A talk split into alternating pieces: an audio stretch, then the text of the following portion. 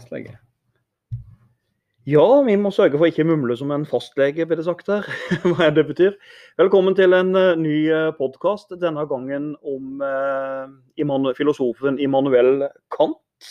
Eh, til stede Magne, men denne gangen er det med en gjest, og det er Jakob Høgmo Handegard. Ja.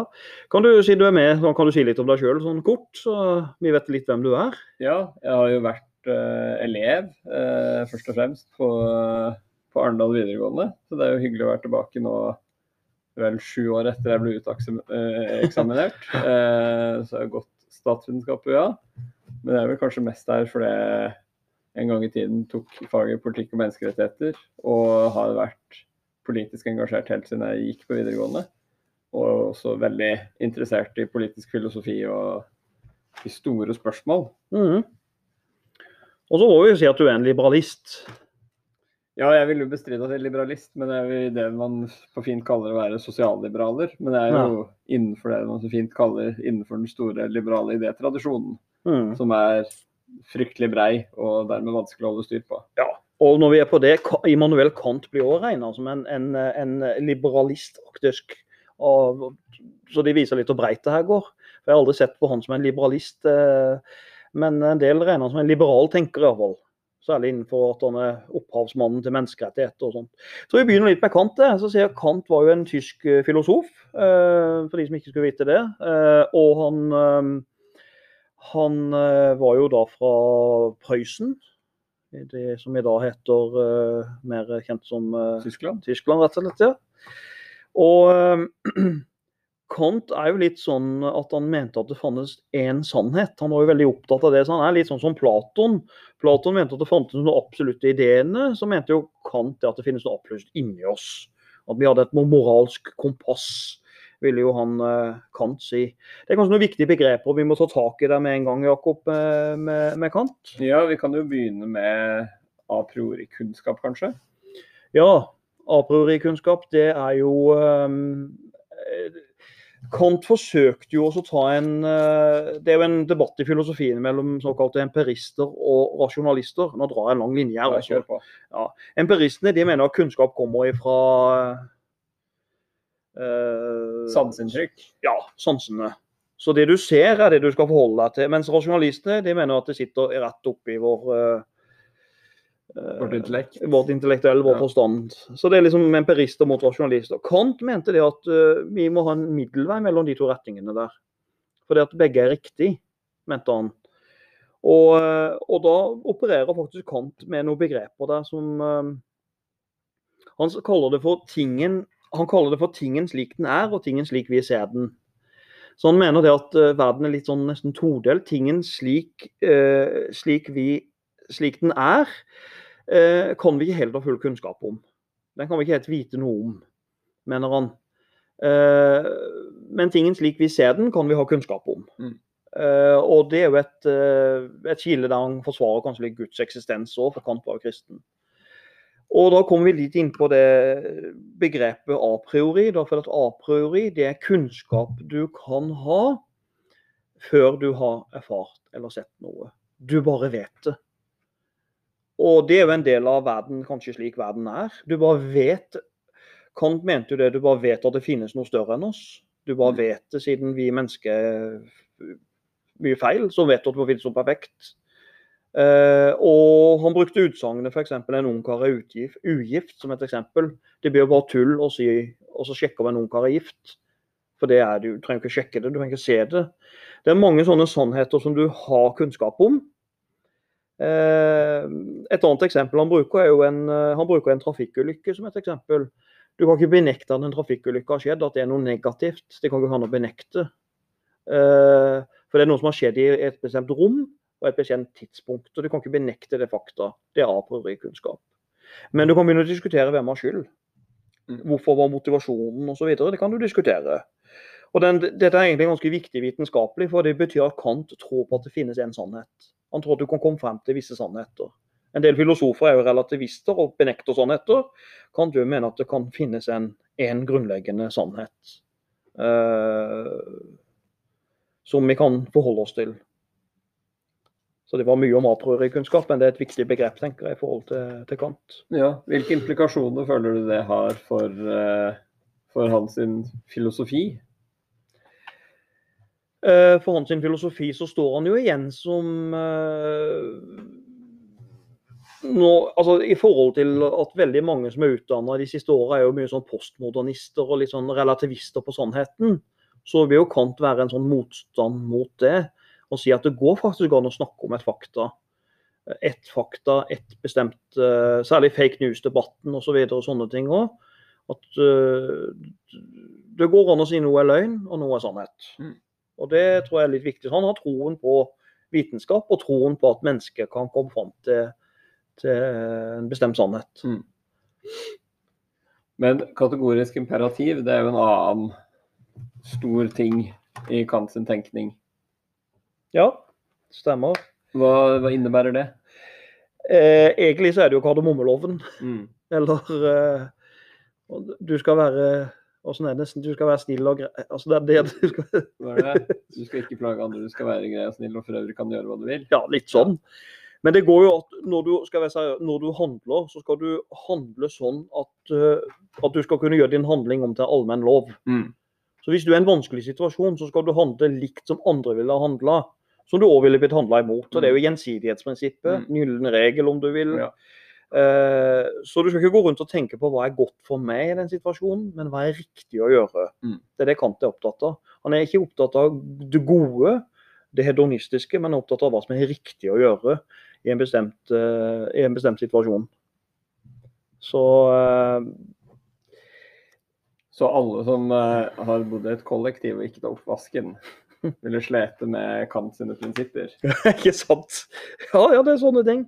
At du skal på en måte kunne sette deg inn i den andres ståsted. Mm. Du skal ta den, altså forsøke å forstå andre personer. Mm. Uh, og dette er jo litt likt det Sokrates sier, med at uh, den som uh, At det er bedre å, å, lide sjøl enn å gjøre urett. Mm. Det er jo litt det samme Sokrates sier. Det er bedre at du selv, For å si det sånn, det er bedre at du sjøl blir stjålet fra, enn at du stjeler sjøl. Mm. For det går på din integritet, din personlighet, Mm. din verdi. Mm. Og andres verdier som, som, Mm. som menneske òg. Men ut, det, holdt på å si, både det, men også denne a priori-kunnskapen, det fører jo fram til en sånn måte å tenke på, en etikk, som heter pliktetikk. Kan du si noe om hva det innebærer? Ja, Kant er jo en veldig kjent pliktetiker, det er han. Eh, men kanskje litt misforstått pliktetiker òg. For mange tenker på pliktetikk som du skal. Altså det du skal følge en lov. Veitrafikklov i Norge f.eks. Du har kjøpt ny bil. Mm. Var det Mercedes? Ja, Mercedes, ja. Ja, ikke sant? Og da må du følge veitrafikkloven. veitrafikkloven. Det er en pliktetikk. Um, men um, det er klart at uh, Kant ville nok vært mer opptatt av at uh, du med din intelligens og fornuft er sjøl villig til å følge den, ikke pga. regler er regler. Mm. Ikke fordi at noen har befalt deg å følge den, men den beste måten å følge den loven på, er at du sjøl skjønner at du kan sette andre i fare, med, og deg sjøl òg for så vidt, med å kjøre for fort. Mm. Så det er nok Kants uh, For mange har jo sagt at Kants pliktetikk er farlig, for den kan forsvare overgrep. F.eks. sånn uh, nazistene, da. Mm. At uh, ja, de har befalt meg å drepe jøder. Eller Gud befalte meg til å ta et liv. Abraham og Isak-historien, ikke sant. Mm. Men den pliktetikk hadde Kant tatt imot, for individet skal tenke sjøl og bruke fornuft. Han ville jo derimot vært eh, sagt at eh, si en ordre eh, skal du ikke gjennomføre hvis det strider mot disse sannhetene om at du ikke skal, ikke skal begå sånne avskyelige overgrep mot noen, selv om noen har sagt at du må det. Ja, for det går jo på det kategoriske imperativ, ikke Mm. sant. Så Kants pliktetikk er veldig altså Kant har jo en utrolig stor tro på menneskets intellektuelle og det fornuftige mennesket. Og det viktige i hans eh, pliktetikk, det er jo òg det at han er veldig opptatt av Jeg tror du sa det i stad, ikke nødvendigvis eh, resultatet i en handling, men Men eh, verdien av en handling eller uh, intensjonen eller Mm. moralen i en handling Ja, altså intensjonen der, rett og slett. Jeg synes Et godt eksempel er at uh, hvis du har med en rusmisbruker å gjøre, da, så kan det godt være at du uh, Hvis du f.eks. Uh, ja, du, så nek, altså du, du, du, vil ikke gi, du, du vil ikke gi de penger til stopp. Mm. Og da er jo det en eh, handling som i utgangspunktet har en god intensjon, Mm. ikke sant? Eh, selv om ikke det er det gode for de, men så igjen er det det riktige å gjøre, kanskje. Jeg sier kanskje. Ja. Så, så er jo Kant da veldig opptatt av det her i etikken sin. og det her er jo kobla tett til menneskerettigheter. Det synes jeg er veldig interessant. Han sier et sitat at du skal, du skal aldri bruke mennesker som et middel, men du skal bruke dem som et mål i seg sjøl. Mm. Og det syns jeg er ganske godt sagt. For eh, eh, vi har vel alle tendenser til å bruke hverandre som midler Mm. til å oppnå noe i, eh, i vårt samfunn. Ja, og hvis vi, hvis vi er inne i det, så nettopp det du er inne på med rusavhengige f.eks., så Mm. har jo eh, Det har jo i hvert fall i rusdebatten over lengre tid Mm. vært en sånn eh, tendens til at man skal være det er noe vi kaller moralistiske, eller i hvert fall at man skal sette et eksempel. Om at eh, noen handlinger synes vi ikke er greit, og da kan det faktisk føre til at noen mennesker faktisk blir brukt som et middel for Mm. å eksemplifisere noe, mer enn at eh, de blir ivaretatt i, i, forhold til Ja. sin egen verdi. Jeg skjønner hva du mener. At, la oss si eksempelvis i politikken, så kan det være enkelte politiske partier, uten å nevne noen i Norge, som går ut og sier ha straff, ha straff, ha straff. Mm. Og det skal være et middel til å på en måte oppnå velgere og stemmer. ikke sant? De bruker Og vi ser det i helsevesenet at veldig mange blir jo bare passa De blir ikke kalt navnet sitt, det er pasient nummer tre, pasient nummer fire. Mm. De er bare et middel. Når jeg sensurerer elever, så står det bare kandidat nummer fem, kandidat nummer seks. Da er du bare et middel, og egentlig ikke et mål i deg sjøl. I verste fall, skrekkeksempelet på å være et middel, det er Auschwitz. Mm. Der du fikk et serienummer på, på hånda. Ja. Så det å være et, jeg synes En god historie med det å være en mål i seg sjøl, for å tolke Kant, det var en, eh, en kirurg som skulle operere kongen. Og så ble han spurt hvordan, eh, om han syntes det var artig at han skulle operere kongen. eh, Jeg tror det var VG som intervjua han. Hvordan han følte det. Han skulle intervjue, altså operere Hans Majestet. Og så svarer han kirurgen ganske bra. Nei, han var ikke interessert i oppmerksomhet for det her. For det å operere kongen, det var som å operere enhver pasient. De hadde samme, akkurat samme anatomi. Dette hadde han gjort før. Mm. Så kongen var med andre ord ikke et middel til hans berømmelse, men kongen han var en pasient, et menneske, med mål i seg sjøl som alle andre. Og Dette er jo også viktig for menneskerettighetene. Det er derfor Kant ofte blir kobla opp Mm. mot menneskerettigheter, menneskeverd. Og han skrev en bok som het 'Neve i fred', som noen mener er grunnlaget for FN. Som på en måte at han sier at eh, stater bør komme sammen i et forbund for å sikre mer fred. Og, For, eh, og så, sånn, sånne ting. Ja, Hva vil være, hva, hva tenker du er problematisk? For det er jo, de fleste vil jo være enig i noen sånne Det er noen spilleregler som gjelder. Men hva skal vi si er noen, noen regler Mm. og noen sånne tanker. Vi jo f.eks. lært opp som barn om at eh, man skal ikke ljuge. Mm. Man skal ikke Og man, eh, man skal jo f.eks. heller ikke stjele. Men vil det være noen sammenhenger hvor Kant har noen sånne skylapper? Ja, det er godt sagt. Det er klart Kant, De spørsmålene der du hadde sagt, du skal ikke lyve og du skal ikke stjele, det er eksempler Kant selv bruker. De er absolutte. Du Mm. skal fortelle sannheten, og du skal aldri stjele. Men det er jo klart, tenk et praktisk vanlig liv. Det er vel mange situasjoner vi kunne tenkt å gå bort ifra de reglene, er det ikke det? Jo. Altså- eh, altså, og da kommer vi mer over på resultatet av en handling. Ja. Eh, stjeling eh, tror jeg ikke vi skal gå inn i, for det, der får man nok større moralske implikasjoner. Mm. Men eh, hvis du ikke spesifikt blir bedt om å du si sannheten, Mm. f.eks. at du er en domstol, da skal du jo være forsiktig med å ljuge, for å si det mildt. Mm. Men eh, hvis du hvis du f.eks. vet at noen snakker stygt om andre, og du forstår at det ikke nødvendigvis hjelper den personen det gjelder, Mm. at de får vite om det, Mm. så kan det jo være noen ganger være greit å rett og, rett og slett holde kjeft. Ja. Eh, og kanskje i noen tilfeller også ta en hvit løgn. Mm. Eh, men, da, men, men da bryter man jo disse prinsippene.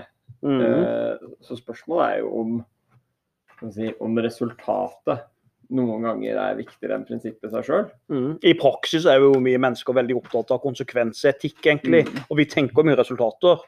Vi tar vel alle sånne små hvite løgner. For f.eks. hvis det kommer en og spør deg hva er fin i dag, du har kjøpt en ny kjole og så ser den ikke ut. Ja. Du hadde vel ikke sagt Jakob, at den var drit- dritstygg hvis du mente det? Jeg vet ikke. Nei, det, det, er jo Altså, der, der vi, vi får jo gjerne også opplæring når vi er små om at vi ikke skal bli høflige. Og jeg vil oppleve at det er ganske uhøflig. Med mindre de kommer og ber om du, hva er din fullstendig ærlige mening om dette? Ja. Det hadde nok sittet langt inne. Men Kant hadde jo svart én ting, som han garantert hadde svart sånn fake news-folk og mm. Donald Trump-type folk. Hvis du hele tida lyver, Ja. fordi at, så ender du opp med å lyve, så til slutt så er det jo så visker du ut skillet mellom hva som er sant og hva som er løgn. Så Mhm. alt det, altså ingenting eksisterer. Du mister hele eh, hele grunnlaget i eksistensen. Altså alt blir bare blanda. Ja, Det er et veldig godt poeng. Og det er jo mange som har et mer avslappa forhold til sannheten enn andre. Mm. Eh, og som danser på en veldig fin eh, linje, eh, som, som kan gi utfordringer. Eh, og som f.eks. si at, eh, at man tar eh, et sitat, eller man tar eh, noen faktaopplysninger ut av en sammenheng. Mm. Og så er det, det er jo riktig på et vis, men Ja. det blir framstilt på en måte Mm. hvor det de i pressen kaller det et eller annet inntrykket, vil være helt annerledes enn Mm. det som nødvendigvis er saken. Mm. Så er det en annen interessant ting når det gjelder å snakke om sannheten. For det er litt, av og til litt vanskelig å snakke om én sannhet. For det at, Hvis jeg tar det eksempelet jeg tok med kjolen. og Hvis en har kjøpt en kjole eh, med grønne prikker på, og, og så en hvit altså Den ser ikke ut. Syns det, nå. Men hvis hun sjøl syns den er fin, Mm. ikke sant? hvem er det sannheten for? Sannheten sånn som jeg ser den, eller sannheten sånn som hun ser det? Mm.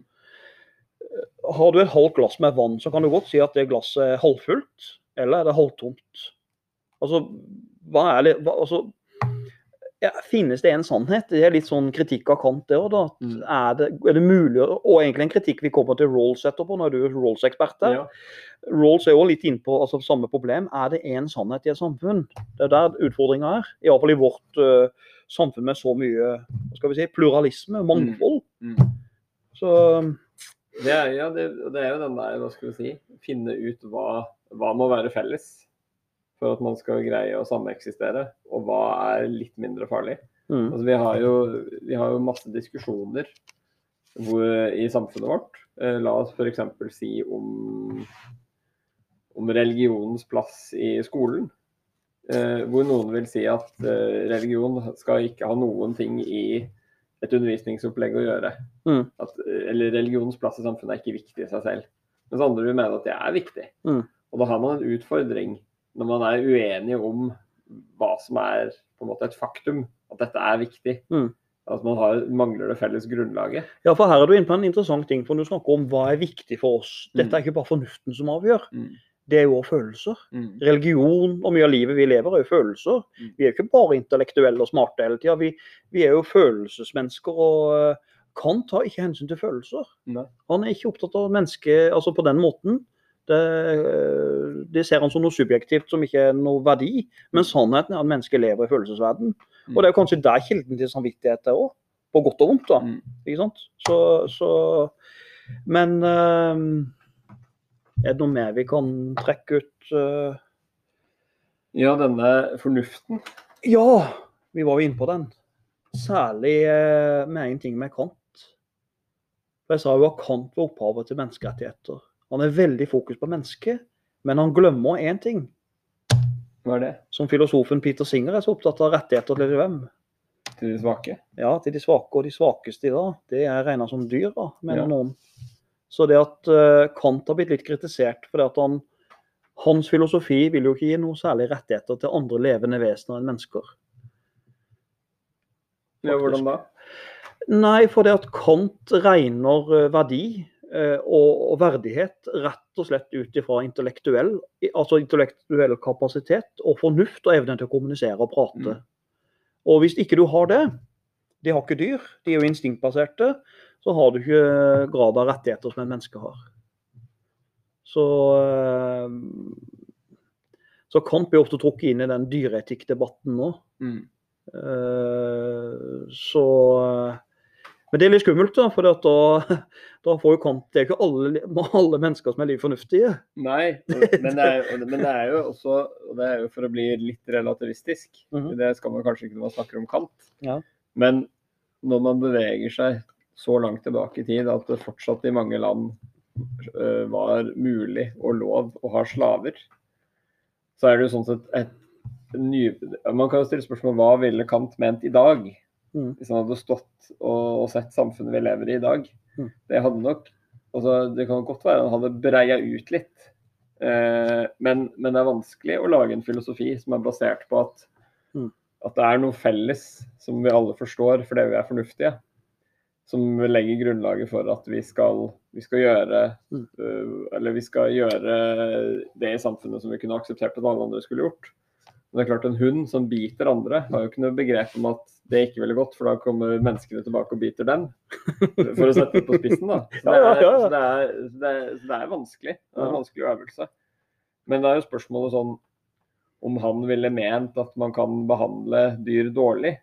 Eh, eh, bare fordi ikke de er omfattet av, av filosofien hans, for å si det Mm. sånn. da.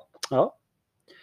Eh, du kunne godt vært hvis han levde i dataen og ment annerledes, ja. Mm. Men fortsatt er det et problem, tenker jeg. Kant er veldig opptatt av den fornuften, på Mm. godt og vondt. Og. Ja.